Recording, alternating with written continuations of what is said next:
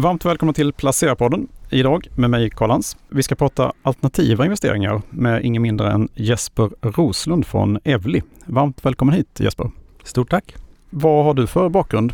Ja, eh, jag har jobbat i, finanssektorn här i Stockholm i egentligen hela min karriär. Eh, faktiskt fokuserat mycket på alternativa investeringar från början. Jag eh, började på Brummer Partners eh, i urminnes tider Brummer Partners är ju eh, Sveriges första eh, och var ett tag eh, Sveriges största hedgefondbolag. Och där jobbade jag under ett antal år, lärde mig mycket om branschen och sen har jag jobbat på banker, finansbolag, fondkommissionärer men hela tiden med fokus på alternativa investeringar. I grunden så är jag egentligen jurist och ekonom så att jag har en hyfsat bred liksom, an, eh, vad ska vi säga, jag har, har liksom haft många olika eh, infallsvinklar på, på branschen vilket har varit eh, kul. Jag har liksom jobbat både med sälj eh, men också med eh, konstruktion av fonder, design, struktur, implementering och sådana saker. Så att jag kan lite av varje, ganska bred bakgrund, generalist kan man säga. Och hur kom du in på det här med alternativa investeringar? Bra fråga. Jag har alltid tyckt att det varit intressant med, med alternativa investeringar. Jag tycker att det är en eh, spännande nisch. Eh, det finns mycket duktigt folk i branschen. Det finns eh, spännande bolag.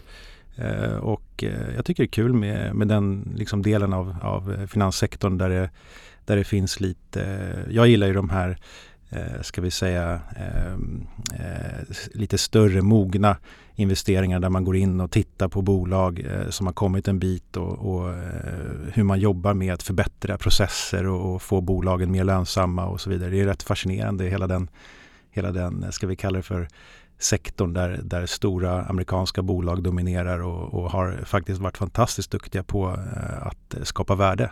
Och jag tycker det är intressant. Det är en rolig nisch. Eh, så att det, jag har alltid fastnat och fokuserat lite på det.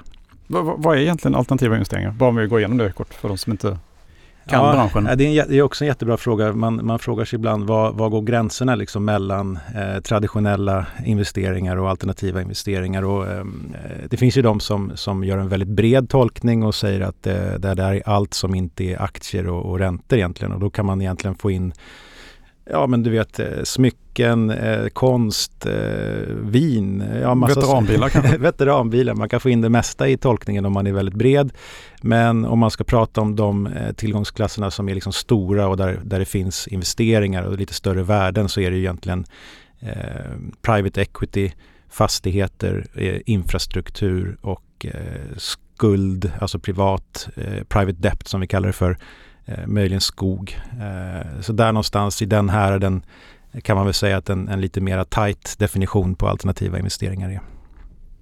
Vilken av de här mm, alternativa investeringarna tycker du är mest intressant då? Men jag har jobbat mest med, med fastigheter och eh, private equity, vilket också är de, de största sektorerna eh, i branschen eh, där det finns mest investeringar och sådär. Så det är väl naturligt. Eh, men de två ligger väl lite extra varmt eh, eftersom att jag har jobbat mycket med dem. Om man är privatperson då och vill få exponering mot alternativa investeringar, hur, hur gör man då? Ja, det är inte så lätt. Det har visat sig vara eh, ett av de svåraste reptricken för branschen att kunna erbjuda en, en plattform eller ett sätt att investera för, för icke-institutioner. Det har ju varit länge eh, en, ska vi säga, en, en eh, ja, en gräns där professionella investerare, institutioner har haft så att säga eh, väldigt lätt att komma in därför att man har möjlighet att investera stora pengar och man har också en väldigt lång placeringshorisont vilket har gjort att eh, eh ja, det, det har liksom varit förärat den delen av marknaden. Sen också kan man ju säga att Eh, det har varit tuffa regler för, för småsparare nu efter finanskraschen. Så det är finanskraschen som var 2008 och framåt där så skapades det en helt ny regelflora som gjorde det väldigt svårt för eh, icke-proffs som vi kallar dem för. Eh, egentligen allt som inte är stora institutioner då. Eh, att få access. Eh, så där är en nöt som branschen har försökt knäcka under många år. Eh, det är komplext och det är svårt att genomlysa och det är inte alltid de här produkterna passar för, för eh, privatsparare. Så det, det, är dels en, en regel, så att säga en gräns i regelfloran och det är dels också en, att liksom, produktkategorin är ganska komplex och svår att förstå sig på. och Det kräver sin investerare. Liksom. Eh, men att det fin, finns ett syfte och en, en, eh, en, en, eh, att det är positivt att addera in Eh, alternativa investeringar. Det råder det liksom inget tvivel om. Frågan har liksom varit snarare då hur man ska hur ska vi ge access till, till eh, den andra halvan av marknaden som inte haft det? Och eh, de svar som finns idag är ju egentligen att man, eh, att man eh, jobbar med hur man registrerar fonden, hur man, eh, vilken likviditet man har i den eh, och liksom paketering. Eh, och där finns det ett antal vägar att gå. Eh, och det finns olika svar beroende på vem du frågar. Eh, sådär. Men det börjar hända mycket i branschen nu. Det börjar komma en hel del aktörer som, som vill in och som vill visa att, att eh, icke-professionella eh, investerare faktiskt har en möjlighet att investera. Men det är lite minerad mark. Eh, och ehm, eh, det gäller att vara väldigt så att säga påläst innan man går in i sådana fall. Så att, eh, det är det vi försöker på Evli att hjälpa till med att, eh, att erbjuda någonting som är Eh, bra, kvalitativt och enkelt att, att investera i. Så där, där jobbar vi hårt. Eh, vi har inte riktigt satt ner foten än hur vi ska göra. Eh, det finns flera spår. Men att vi ska demokratisera alternativa investeringar, det har, vi, det har vi helt klart bestämt oss för. Och här i Sverige så finns det en lucka där därför att det finns väldigt många stora institutioner som har access men det finns inte så många plattformar eller investeringserbjudanden för icke-professionella idag. Jag tänker vissa delar av den här sektorn kan man ändå säga att eh, privatpersoner har haft tillgång till. Som, alltså till exempel fastighetsexponering eh, kan man ju ganska lätt skaffa sig på egen hand. Eh, via börsen. Då. Det är korrekt. Alltså, det är inte det att det inte går. Och du kan ju köpa eh, börsnoterade placeringar i fastighetsbolag och, och, även i private equity finns det listade alternativ. Eh, problemet har väl varit snarare att, att eh, om man ser alternativa placeringar som en, Ehm, som en helhet. Så eh, när jag tittar in i, i kunders portföljer så ser man ofta att det finns enstaka inslag av alternativa. Det vill säga eh, om man ska vara lite så här portföljteoretiker så, så haltar ofta de här portföljerna för att man har oftast en placering i någonting som man tror är bra eller kanske två placeringar. Det vi menar är att du ska tänka på samma sätt som när du bygger upp en vanlig portfölj. Du måste diversifiera dig även inom sektorn alternativa. Och det är jättesvårt om nu ticket sizen är väldigt stor och, och, man kanske inte har obegränsat med kapital. Hur gör man då för att skapa en diversifierad eh, portfölj med alternativa placeringar? Det är ju nästan liksom omöjligt. Så att, eh, där jobbar vi mycket med att försöka få in den här, eh, ska vi säga, helheten i portföljen och där har vi ett, ett verktyg som vi kan titta på eh, och, och, hjälpa kunderna att få eh, bygga upp sin exponering. Alltså man börjar sig från noll och man vill ha kanske säg 10 i alternativa investeringar och, och, man har inte mer än nu säger jag, låter ju eh, raljera, men alltså säg att man inte har mer än 10 miljoner kronor i placeringsbart kapital. Då är det inte så jättemycket pengar som ska in i de här eh, placeringarna. Så då gäller det att vi kan att vi kan dela upp dem i flera poster ändå och få en diversifierad eh, exponering. Och det är väl där branschen har gått lite bet eh, på att kunna erbjuda någonting helhets, alltså helhetstänket där. Men jag håller med, det finns investeringar som är noterade eh, och så. Men en annan sak som man måste tänka på när man köper en noterad placering det är att då får du den här volatiliteten, eh, alltså den dagliga handeln som gör att en aktie kan röra sig upp och ner oavsett hur bra eller dåligt det går i, i, i den underliggande investeringen så kan aktien röra sig. Och det är den volatiliteten som man ofta vill bort från när man jobbar med, med portföljbyggande. Att man vill ha någonting som är stabilt eh, och inte rör sig i, i samklang med, med börsen. Eh, och du når inte riktigt de fördelarna om du liksom köper en börsnoterad placering, även om den är mot, mot eh, alternativa. Så att eh, det, det är inte helt lätt.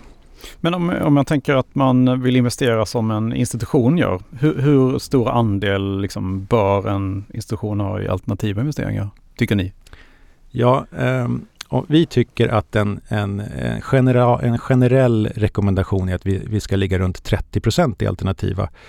Och det är egentligen ingen vetenskaplig, eh, ärligt liksom, eh, slutsats, utan det är mer att det bör vara en substantiell del. Vi kan titta på hur, hur stora eh, institutioner beter sig. Eh, till exempel har vi ju ett, I ena ändan av det här så har vi ju till exempel amerikanska institutioner som har hållit på länge som Yale och som har gått i, i bräschen för alternativa eh, placeringar. De har ju närmare 75, eh, till, och med, till och med upp mot 80 procent ibland i, i alternativa placeringar och nästan bara 10-15 procent i, i aktieplaceringar och rester i räntor. Så de har ju valt en helt annan väg och den har gått väldigt bra för dem. Eh, men det beror ju också på att de är stora, de får access till de allra bästa de har en, en nästan obegränsad placeringshorisont och så vidare. Men det säger att eh, det finns egentligen ingen gräns för hur mycket alternativa du kan ha utan det, eh, det förbättrar portföljens egenskaper men det är mera frågan om vem du är. Eh, vad är du för typ av placerare? Behöver du likviditet? Eh, klarar du av risk? Och så vidare. Och, eh, någonstans runt 30% tycker vi är en rimlig andel eh, alternativa eh, i en portfölj för att få den här effekten som vi är ute efter. Och det gäller ju även då privatpersoner gissar jag? Ja, vi tycker det. Eh, vi tycker det är en ganska... Vi har testat det här i våra system och det visar sig att eh, eh man kan öka andelen men, men samtidigt så, så är det viktigt att inte låsa in sig för mycket. Eh, det är stor skillnad på att ha en alternativ placering som kanske kan handlas max en gång per år jämfört med en börsnoterad placering som kan handlas varje dag och en privatpersons liksom behov och, och, och sådär ändras ju oftare kanske än en institution och eh, det gäller att ha den beredskapen att kunna sälja av och, och byta eh, om man behöver och sådär. Så, att man ska inte heller överdriva eh, tycker vi, utan någonstans runt 30 procent är en sån här generell rekommendation. Mm. Det är inte pengar man, man, eh, man behöver till oförutsedda utgifter som man ska sätta i alternativa investeringar. Nej, verkligen inte. Så det, det, vill ju till att den som, den som är rådgivare ställer rätt frågor och, och kommer in på, på det verkliga syftet med, med placeringarna eh, och sådär. Så att det, har man inte eh, liksom tre till fem års eh, horisont så, så eh, ska man nog inte investera i, i alternativa placeringar. Eh, I alla fall inte de som är mer långsiktiga. För det, det tar tid att skapa värden också. Man ska komma ihåg att när du går in i en, i en alternativ placering, säg en private equity-fond, så är ju tanken att man ska så att säga köpa in sig i ett bolag, driva processer, förbättra lönsamhet och så vidare och så vidare för att sen göra en exit längre fram och det är ingenting man gör i, i, i en handvändning och det är först i, slut, i slutet där som liksom värdeskapandet sker eh, mot kunden som man, där, där, han då eh, förhoppningsvis har gjort en bra avkastning. Så att det, det är en eh, Ja, det är inte en helt lätt operation men det kräver att rådgivaren är, är vaken och, och ställer rätt frågor. Jag tänker inom, inom alternativa investeringar så är ju private equity ganska eh, en viktig del då. Finns det någon särskild liksom, segment inom private equity som ni tycker om eller hur ser ni på den sektorn? Ja, alltså vi jobbar brett. Vi har egentligen hela paletten. Vårt mål är ju att eh, kunna erbjuda kunderna eh, någonting i varje, i varje tratt så att säga inom alternativa. Just nu om man tittar på, om man skulle dra en ögonblicksbild av, av läget just nu så kan man säga att de sektorer som många kunder intresserar sig för och som vi tror kan vara extra intressanta nu eh, är ju till exempel infrastruktur. Det har varit på tapeten ett tag men, men faktum är att i, i de här tiderna när vi har eh, or, ganska orolig makromiljö, vi har eh, hög inflation. Hög inflation, exakt. Eh, så vill man ju ha någonting som ger en stabil avkastning eh, som är norr om riskfri ränta förstås. Men du vill också ha ett inflationsskydd, någonting som ger dig en säkring mot det där så att inte din avkastning äts upp. Uh, och inom infrastruktur, infrastruktur, så möts ju många av de kraven. Det är ofta statliga eller kommunala motparter som Eh, liksom eh, är säkra i sina betalningar. Det betyder att du får säkra kassaflöden. Långa kontrakt som gör att eh, det liksom är väldigt låg sannolikhet att det inte skulle bli så som man tror. Så att de här infrastrukturfonderna har legat och pumpat ut en cirka 10 Eh, per år oavsett konjunktur, oavsett eh, volatilitet i marknaden och så vidare. Och det har ju många gillat. Eh, och i den här miljön så tror jag det liksom är extra intressant att titta på den kategorin. En annan sak ni tittat på är ju den här klassiska 60-40-portföljen. Vi kanske ska prata om först vad en 60-40-portfölj är för någonting, för de som inte vet det. Ja, ja. men det är precis. När man jobbar inom, inom kapitalförvaltning så är 60-40 en sån där devis som har funnits i alla år och man kan säga att det är så som institutionella placerare har betett sig genom åren. Oftast har en, en lite större institutionell portfölj bestått av ungefär 60% aktier, 40% räntor och sen har det där varierat lite grann upp och ner över tid men har återgått till ungefär den, den allokeringen eh, långsiktigt. Och så, så eh. justerar man det löpande då så att säga, ja. beroende på hur börsen går och ja. på räntemarknaden går. Ja. ja, tittar man på många av våra stiftelser i Sverige och så där så många stadgar och många placeringsreglementen eh, har ju så att säga eh, stipulerat att det är i det häradet man ska röra sig för det är där så att säga de kanske mest eh, belysta eh, bolagen finns och det är där de mest belysta placeringarna finns och det har varit enkelt liksom att ha en sån policy. Men världen förändras och eh, jag tror att den, det är därför vi menar att den där är lite förlegad nu därför att den har inte gett det, den avkastning som, som man kan förvänta sig teoretiskt de sista åren.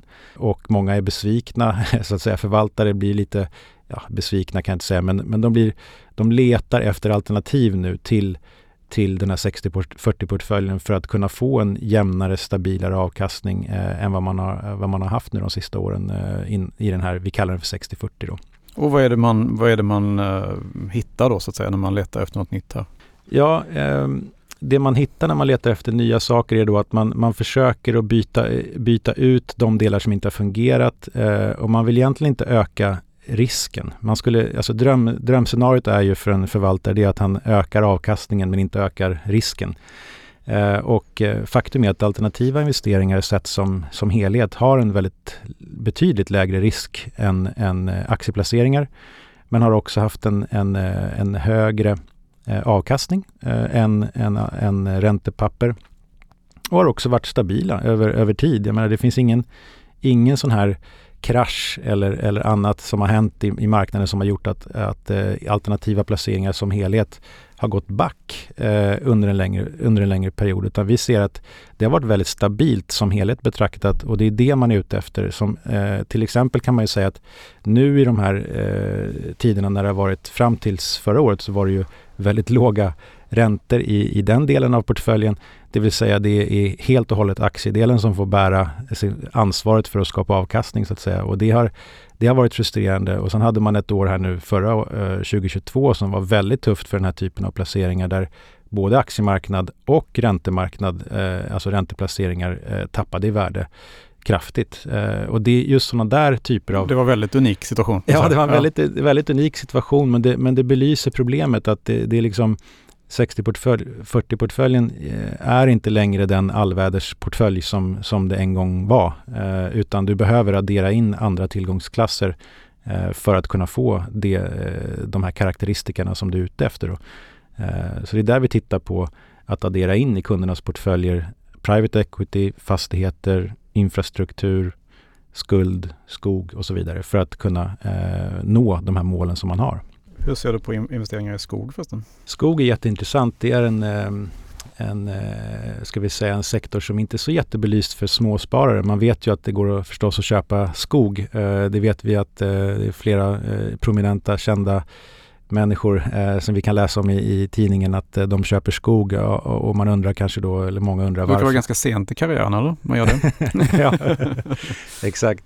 Det är ju eh, eh det är en lite speciell eh, placering ehm, eh, med skog. Man ska komma ihåg att skog är lite speciellt för att skog växer i enormt olika takt beroende på var i världen skogen står. Eh, det vill säga, eh, om du bor i Sverige så ska man då vara medveten om att eh, den nordiska, svenska skogen är, är förhållandevis bra, men den växer extremt långsamt. Vilket gör att, att äga skog i, i, i direkt form i Sverige, om man nu är en investerare så att säga, som söker avkastning, så är det, kan det vara vanskligt. Det finns då andra marknader som är, som är mer intressant.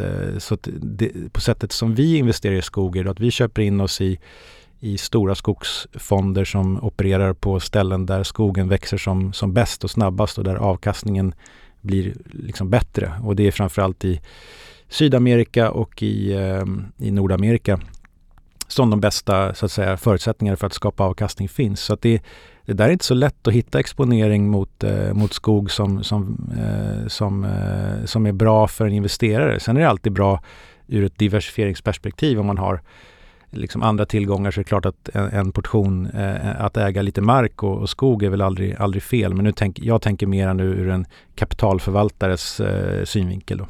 Jag var precis förbi eh, Visingsö i Vättern eh, här i somras och eh, där planterade man ju ekskogar då på 1700-talet för att de sen skulle kunna skördas eh, 300 år senare för att bygga fartyg av det helt enkelt. Mm. Så nu är de då färdiga för att uh, bygga fartygen. Liksom. Mm. Mm. Ja, det blir en ganska låg uh, internal rate of return som man säger då om, man, om det tar 300 år att ta hem vinsten. Men, men jag förstår att, uh, att det, det, är, skog är intressant. Det är bara att det, det, är inte så lätt att få exponering mot och det beror helt på vem, vem du är. Så att, jag säger så här, försök att hitta då en, en exponering mot en lite större skogsfond som eh, opererar i ett område där det, där det finns avkastningspotential. Då. Och där är det väldigt viktigt att välja ut. Så det är det vi gör, att vi jobbar med selektering av, av de här fonderna. och Försöker hitta då de som är duktiga på att förvalta eh, skog eh, i fondformat.